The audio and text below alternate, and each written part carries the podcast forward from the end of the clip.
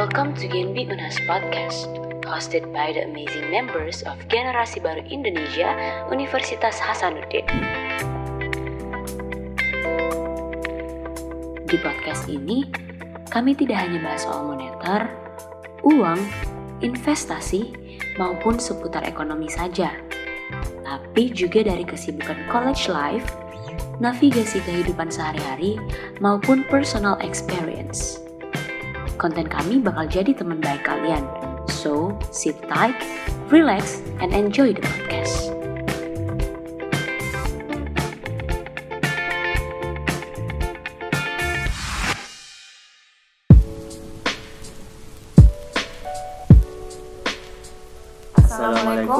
Warahmatullahi wabarakatuh.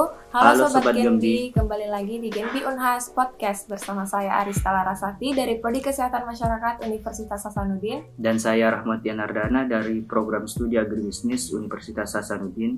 Kami berdua merupakan mahasiswa penerima beasiswa dari Bank Indonesia tahun 2020.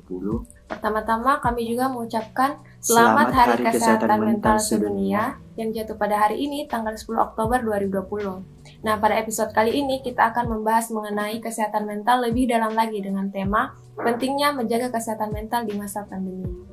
Nah hari ini kita sudah bersama narasumber kita yaitu Kak Andi Aisyah Al Kumaira. Kak Andi ini merupakan alumni dari Psikologi Universitas Hasanuddin. Kak Aisyah ini juga merupakan founder komunitas Satu Atap dan Duta Kesehatan Mental ILMPI wilayah Sulawesi, Maluku, dan Papua. Oke, langsung saja kita kenalan dengan narasumber kita. Halo Kak Aisyah. Iya, halo. Apa kabarnya Kak? Alhamdulillah kabar baik. uh, apa saja kesibukannya akhir-akhir ini Kak? Kesibukan kan baru selesai kemarin studinya ya. Hmm. Sekarang lagi jalankan komunitas, memimpin komunitas, uh, terus sambil ngajar-ngajar juga, trainer-trainer juga di beberapa kesempatan yang ada. Sama hmm. mungkin bawa-bawa materi begitu. Nah, berbicara tentang kesehatan mental, mm -hmm. tentu menjadi suatu hal yang penting untuk dibahas. Perlu kita ketahui, orang yang mengalami gangguan mental akan mengalami gangguan suasana hati, mm -hmm. kemampuan berpikir, serta kendali emosi yang pada akhirnya mengarah kepada hal-hal yang buruk. Untuk lebih jelasnya mungkin saya memberikan kesempatan kepada Kaisya hmm. uh, untuk membahas lebih jauh tentang kesehatan mental itu seperti apa. Oke, okay. bicara soal kesehatan mental, sebenarnya ini salah satu topik yang sering kali dibicarakan ya. Dan rasanya juga sekarang sudah banyak sekali platform atau pokoknya sosial media yang tentang kesehatan mental. Betapa pentingnya kita merawat kesehatan fisik plus kesehatan secara mental atau psikologis. Nah, kalau saya merujuk ke definisi dari WHO, biasanya kita ngambil standar WHO, itu ada tiga kategori orang dikatakan uh, punya kesehatan mental. Yang pertama itu individunya tahu kelebihan dan kekurangannya. At least dia tahu, oke okay, saya saya punya potensi seperti apa, dia tahu kekurangannya seperti apa dia sehingga dia bisa kembangkan dan juga dia bisa antisipasi kekurangannya. Terus yang kedua, dari standar WHO itu dia mampu menyelesaikan tekanan-tekanan atau masalah-masalah kecil dalam hidupnya. Nah, maksudnya dalam artian kalau misalnya dia lagi sulit-sulit sedikit, paling tidak dia mampu lah kayak gitu untuk menyelesaikannya secara sendiri. Terus yang ketiga itu dia memberikan kontribusi ke lingkungan sosial. Kontribusinya tidak harus yang besar kayak bikin organisasi, bikin komunitas. Yang penting dia mungkin berbuat baik sama tetangga atau mungkin menolong siapa gitu ketika di, bertemu di jalan. Itu kan sudah rasa empatinya sudah kelihatan. Jadi ketika kita sudah memiliki tiga hal ini, itu sudah bisa menjadi uh, indikator lah kita bisa merawat kesehatan mental gitu. Itu sih kalau definisi umumnya ya, kayak gitu. Nah, selanjutnya Kak, uh, ini uh, gangguan kesehatan mental itu dipengaruhi oleh faktor apa saja Kak begitu? Oke, kita bicara soal mental illness dulu ya berarti ya. Kan kalau gangguan kesehatan mental itu sebenarnya faktornya kan bisa banyak biasa dari diri sendiri pertama dari anxiety atau kecemasan jadi kayak misalnya dan itu bisa dapat dari pengalaman masa kecil jadi kayak misalnya ada individu kayak anak-anak begitu yang dari dulu mungkin uh, misalnya entah itu misalnya broken home kah atau misalnya ada pelecehan atau misalnya ada pengalaman-pengalaman traumatis yang menyebabkan dia cemas tetapi kecemasannya tidak diregulasi dengan baik tidak di apa ya tidak coba untuk diekspresikan sehingga istilahnya kalau di psikologi namanya direpres ke dalam alam bawah sadar biasanya muncul ketika dewasa. Nah, ketika itu tidak ditanggu uh, tidak ditangani sejak kecil, remaja, itu berbahaya ketika dewasa. Itu bisa dari pengalaman itu. Kedua, dari diri sendiri mungkin dari kepribadian keseharian seperti itu. Bagaimana kita uh, berperilaku dalam kehidupan sehari-hari seperti itu. Terus yang ketiga coping strategi. Kalau coping strategi itu atau coping stress kayak bagaimana cara kita untuk menghadapi kondisi-kondisi stres kan kalau stres itu udah bisa kita hindari ya apalagi ya. mahasiswa kayaknya sedikit-sedikit tugas numpuk jadi stres lagi. ya. pusing-pusing. Tugas akhir kalau skripsian misalnya mahasiswa akhir dan seterusnya kayak begitu Nah, coping stress itu bisa banyak-banyak modelnya. Misalnya kayak kita dengan kegemaran kita kan, misalnya kita mengekspresikan dengan hobi, atau misalnya kita cerita dengan teman kita. Nah, bagi orang-orang yang beda tipikal coping stressnya itu tergantung dari tiap orang. Dan ketika orang tidak bisa handle stressnya itu bisa berpengaruh ke mental illness. Selanjutnya, faktor lingkungan juga mempengaruhi. Misalnya dia, eh, teman-teman tahu kan dari konsep yang paling sering biasa kita dengar kayak body shaming, hal-hal seperti itulah. Iya. Dari hal kecil kalau misalnya kayak gitu ya, terus body shaming yang menimbulkan insecurity, anxiety, rasa insecure, terus ada perasaan-perasaan untuk membandingkan dengan orang lain karena lingkungan membuat standar idealnya bagaimana sih seorang perempuan kah atau seorang laki-laki yang apa yang bagus dan sebagainya iya. ideal. Nah, itu bisa mempengaruhi faktor lingkungan. Jadi sebaik mungkin kita harus menemukan lingkungan-lingkungan yang suportif untuk kondisi kesehatan mental kita itu. Jadi harus lebih self love lagi. Sebenarnya insecure itu kalau mau dibilang belum masuk sih sebenarnya di keseta, uh, di gangguan. Cuman itu bisa menjadi pemicu oh, pemicu. Iya. nah, jadi faktor penyebabnya. Uh, faktor penyebabnya. Nah selanjutnya nih kak kita mau bahas mengenai kesehatan mental dengan pandemi hubungannya kesehatan mental dengan pandemi. Nah benar gak sih kak pandemi ini tidak hanya uh, berdampak pada kesehatan fisik, tetapi mm -hmm. juga kesehatan mental. Apalagi kesehatan mental ini kan tidak terlihat Betul. seperti kesehatan fisik. Mm -hmm. Nah, jarang juga orang menyadari ada gangguan pada mentalnya. Mm -hmm. Terus kita juga dituntut untuk mengikuti aturan new normal, yeah. kemudian PSBB, social distancing, mm -hmm. kemudian mau keluar rumah juga cemas, takut di rumah juga kesepian, bosan. Gimana uh, pandemi ini bisa sampai mempengaruhi kesehatan mental seseorang dan kenapa sih kita penting menjaga kesehatan mental itu? Nah, jadi sebenarnya kalau untuk konsep merawat uh, kesehatan mental ini kan sebenarnya harusnya di setiap saat ya, setiap dari kita kecil sampai kita saat ini begitu ya, seterusnya. Tapi memang tantangan besar di kondisi pandemi karena kondisinya tadi ada beberapa ciri-ciri kondisi ini, kondisi yang kayak menimbulkan kecemasan, kemudian menimbulkan kondisi psikologisnya namanya psikosomatis. Jadi psikosomatis itu kayak sedikit-sedikit kita batuk ya kan sedikit-sedikit kita hmm. panas ke apa segala macam langsung mendiagnosa diri kita atau disebut self diagnose bahwa kayaknya saya ini deh terserang oke okay lah hmm. bagus lah kalau misalnya berujung pada pemeriksaan. Tapi kalau yeah. tidak berujung pada itu juga jadinya kepikiran sendiri, overthinking pada hal tersebut. Seperti itu. Nah, jadi banyak kondisi-kondisi sama tentunya juga pandemi ini dalam kondisi uncertainty. Jadi kayak kondisi tidak pasti. Kayak kita tidak tahu sampai kapan pandemi akan berakhir. Ada yang bilang prediksi misalnya tahun depan sudah normal kembali, ada yang bilang baru diperbaiki sampai dua tahun ke depan. Vaksin juga belum dirilis kan. Jadi kayak kita sedang berada di masa kayak tidak tidak ada kepastian untuk kondisi yang betul-betul uh, normal nantinya seperti itu. Nah, jadi memang benar bahwa pandemi ini mempengaruhi kesehatan mental kita dan memang kesehatan mental tidak terlihat ya abstrak ya. iya. ya. Kadangkala nanti kelihatan itu kalau sudah berengarah pada gangguan, misalnya kayak sampai ke gangguan-gangguan uh, kecemasan bahkan mengganggu pola tidur, gangguan ini kan hmm. pola tidurnya atau gangguan makan atau bahkan ke gangguan perilaku. Nah, baru biasanya kelihatan dan baru kita rujuk ke uh, tenaga profesional seperti itu. Nah, biasanya apa saja yang mempengaruhi itu? Bisa banyak sekali namanya cognitive bias namanya. Jadi kayak cognitive bias itu lebih kepada teman-teman tahu kan kayak konsep-konsep konspirasi dan sebagainya kan yang sering muncul ah ini pandemi kayaknya konspirasi apa. Nah, itu sebenarnya oh, iya. merupakan uh, pola-pola cognitive bias yang coba um, beberapa kelompok uh, masyarakat gunakan tetapi tidak mencoba memvalidasi ke secara ilmiahnya secara kesehatan benar enggak sih memang virus ini ada dan uh, mempengaruhi kondisi kesehatan kita kayak gitu dan masih banyak sekali faktor-faktor lainnya. Jadi memang pada dasarnya di tengah pandemi COVID ini sebisa mungkin kita merawat kesehatan mental. Kalaupun memang kita tidak bisa ketemu sama teman-teman tak karena terbatas PSBB atau mungkin pembatasan ini ya jarak harus jauh dan harus menggunakan masker, cuci tangan dan sebagainya.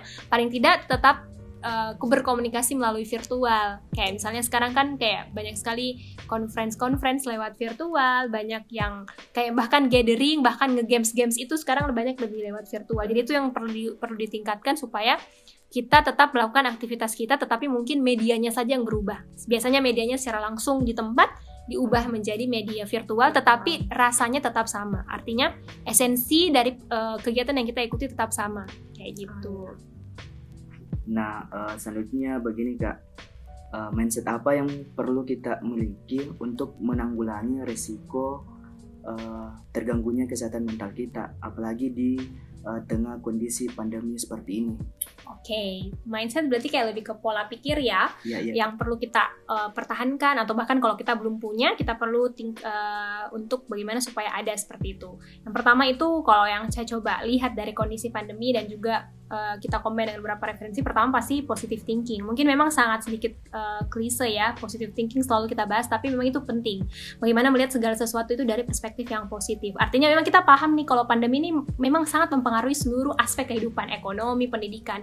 Tapi ternyata ada juga beberapa yang bisa kita petik gitu ya. Maksudnya eh, hal-hal uh, positif. Misalnya kayak contohnya yang paling sederhana kita sekarang kalau mau ngakses ke mana-mana kayaknya lebih mudah. Karena secara virtual banyak open access yeah. kan universitas-universitas ternama itu buka open access untuk belajar lebih luas lagi dibanding sebelum pandemi itu kan hal positif. Kedua, kita mau ngundang pembicara atau mau bikin webinar, oh rasanya lebih mudah untuk nyasar ke pemerintahan atau bahkan pemateri dari luar negeri karena uh, karena banyak akses ke situ. Itu hal-hal kecil sederhananya. Itu bisa kita uh, lihat bahwa oh ternyata ada sisi uh, positifnya uh, seperti itu. Terus yang kedua berpikir reflektif. Nah, menurut saya ya, kenapa? Karena pandemi ini apalagi kemarin pada saat masa karantina kita sempat ya waktu itu yang PSBB Makassar dua kali itu sempat yang kayak kita betul jarang keluar ya. Jadi uh, itu adalah momen atau waktu yang bisa kita gunakan untuk berpikir reflektif oh selama ini dalam kehidupan sehari-hari apa yang keliru dalam kehidupan kita mungkin kita melakukan kesalahan dulu di masa yang lalu dan seterusnya. Jadi kayak ada sisi-sisi merefleksikan apa kesalahan sehingga nanti ke depannya kalau kehidupan sudah normal kembali kita mampu lebih tangguh lagi untuk menjalani kehidupan kita mungkin nanti bisa juga berpikir kreatif, inovatif dan adaptif. Nah, tif-tif ya belakangnya ya. Penggerak organisasi pasti dituntut bagaimana berkreasi di tengah pandemi kan, bikin proker yang penting bisa menjalankan dan seterusnya, bikin kegiatan. Nah, ini berpikir kreatif dan inovatifnya diasah. Adaptifnya gimana? Tidak menyalahkan kondisi. Kan biasanya ada orang, ih kenapa harus pandemi pada saat saya masanya mengurus begitu kan? Tidak, tetapi justru kita beradaptasi bahwa oh ya, ini kondisinya pandemi gimana caranya menyesuaikan diri dengan kondisinya, pakai teknologi, pakai sisi ini, pakai apa dan seterusnya. Jadi Oke, okay. kalau tiga ini bisa dilaksanakan, insya Allah kita bisa lebih apa ya, lebih survive lagi, lebih happy lagi, dan lebih mampu menyesuaikan diri dengan kondisi. Nah, uh, sebagai mahasiswa, gangguan kesehatan mental yang paling sering muncul yaitu stres. Jadi di sini Kak, bagaimana cara uh, mengatasi supaya ini gangguan bisa kita tanggulangi Kak? Oke. Okay. Gitu kayak lebih ke manajemen stres ya. ya, ya manajemen hmm. stres. Jadi memang pada dasarnya ya tadi banyak mahasiswa yang mengalami stres karena memang tuntutan akademik. Biasanya kalau penelitian dia bilang tuntutan akademik, organisasi, manajemen waktu itu biasa mempengaruhi kita kondisi yang stres apalagi di tengah pandemi COVID-19 ini. Bagaimana manajemen stres? Sebenarnya ada beberapa cara yang bisa kita lakukan. Ada yang namanya konsep katarsis yang tadi disebutkan kayak refreshing dan seterusnya itu namanya katarsis. Kalau katarsis itu lebih kepada kita mengalihkan stres kita itu pada hal-hal yang positif. Kayak siapa yang gemar main musik, siapa yang suka ke pantai, siapa yang suka handcrafting, kayak bikin-bikin kerajinan, melukis, menggambar itu salah satu manajemen stres. Tapi uh, tidak lantas membuat masalahnya selesai. Ya, ya kan kamu melukis tidak mungkin selesai ya, masalahnya ya, kan? Tidak, tapi paling tidak uh, emosi negatif kamu tadi marah atau kecewa itu bisa dialihkan ke hal yang positif daripada melukai orang lain. Nanti setelah itu baru kita selesaikan masalahnya. Yang kedua itu adalah uh, cognitive reappraisal jadi cognitive repression itu lebih kepada misalnya kita sudah punya emosi yang negatif nih ya, emosi yang negatif dari kondisi stresnya. Kita coba ubah mindseting kita terhadap kondisi itu. Contoh kecilnya misalnya kita lagi uh, banyak tugas, stres toh banyak tugas. Apalagi kalau kalau tidak salah karena masa online ini kayaknya lebih banyak tugas jadi yeah, curhat-curhatnya saya lihat di WA sama di story kayaknya lebih banyak lebih banyak tugasnya semasa uh, virtual ini. Itu kita kita kan awalnya pasti merasanya kecewa, merasa marah sama dosen kenapa banyak sekali tugas dan sebagainya. Tapi kita mencoba untuk mengubah pola pikirnya itu supaya kita lihat bahwa ternyata proses uh, banyak tugas ini untuk membuat kita berkembang, membuat kita jauh lebih banyak membaca di rumah, membuat kita lebih jauh banyak berdiskusi dengan teman melalui virtual. Jadi kita melihat sisi positif dari uh, efek stres tadi kayak begitu. Jadi ada beberapa cara, boleh katarsis, boleh cognitive repressal, dan boleh uh, bisa ada juga namanya problem focus coping. Jadi bisa juga langsung fokus pada problemnya. Misalnya kamu lagi marah sama teman yang langsung selesaikan marahnya. Misalnya dengan berbicara dengan komunikasi dengan menyampaikan kalau kamu tidak nyaman dengan kondisi ini itu boleh. Jadi tiga cara ini banyak sekali. Tergantung tipikalnya orang lebih suka yang mana. Gitu. Oh iya, uh, ngomong-ngomong tentang media sosial, nah ada pertanyaan nih kak, bagaimana yes. sih pengaruh media sosial terhadap kesehatan mental?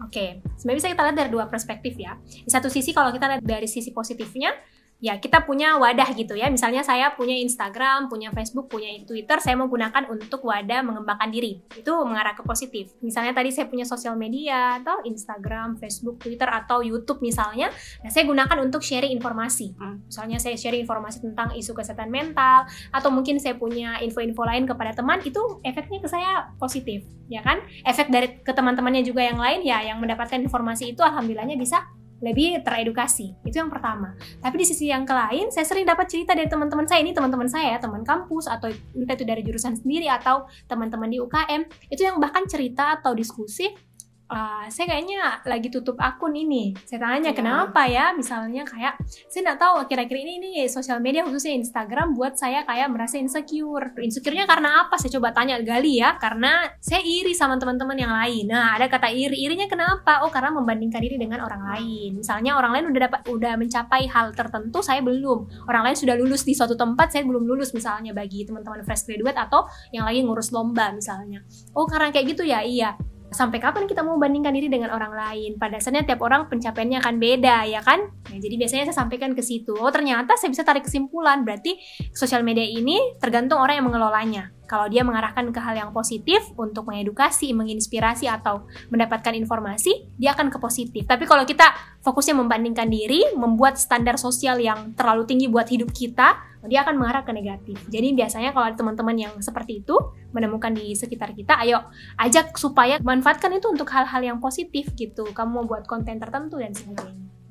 Nah, berhubungan dengan sosial media tadi Kak. Nah, katanya dari media sosial ini terbentuk stigmatisasi kak khususnya di masa pandemi itu gimana kak? Oke okay, benar banget ya jadi di masa pandemi ini kalau teman-teman biasanya dengar ya stigma yang paling terbentuk itu misalnya kayak kita beberapa kelompok masyarakat menolak misalnya pemakaman jenazah mm-hmm. pasien positif COVID lah misalnya atau ada yang bahkan tulis baliho baliho pokoknya banyak lah itu dan yeah. itu karena disebabkan karena adanya stigma yang terbentuk sehingga orang cenderung menyalahkan orang-orang yang bahkan saya pernah dengar podcast juga bahkan sekarang itu orang lebih menghargai uh, apa ya orang kalau lihat orang batuk itu langsung kayak menghindar sekali kan yeah, dibanding betul. orang yang misalnya kenapa begitu jadi kayak sangat-sangat terasa begitu stigma yang terbentuk.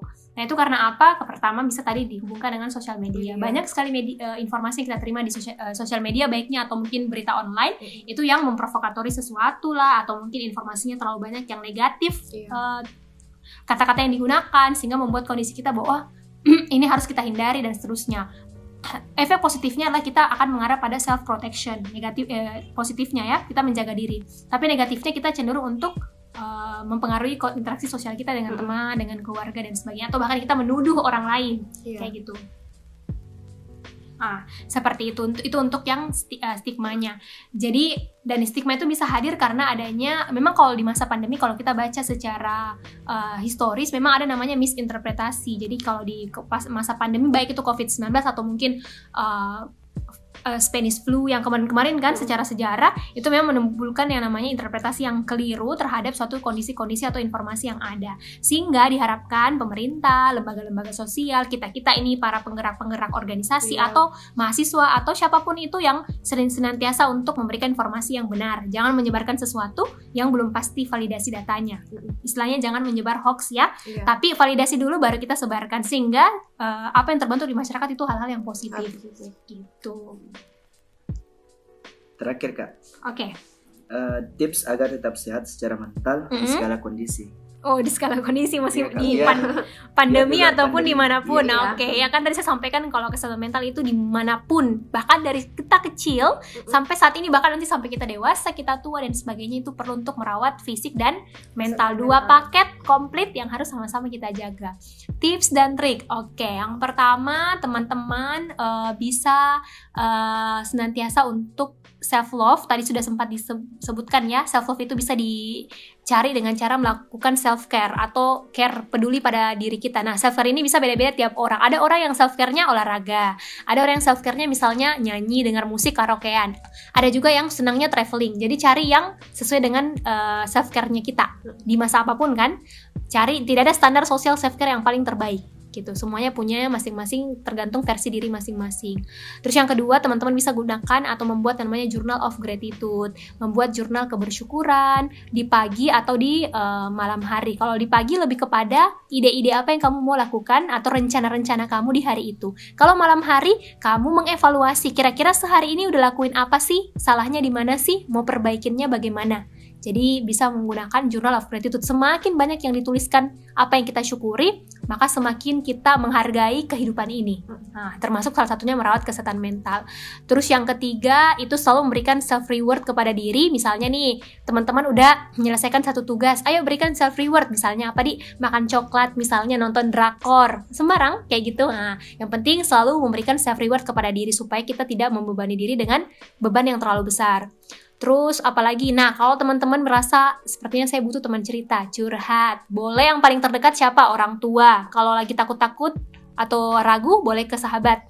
Nah, kayak gitu. Tapi kalau misalnya memang berada pada kondisi yang kayaknya saya butuh bantuan profesional, jangan pernah ragu atau takut untuk menghubungi profesional. Misalnya apa? Praktisi, psikolog, psikiatri, atau mungkin uh, dokter kah atau siapakah eh, bidang-bidang kesehatan yang bisa mengarahkan kita pada kesehatan mental. Kayak gitu-gitu sih, sering baca-baca buku yang positif dan sebagainya.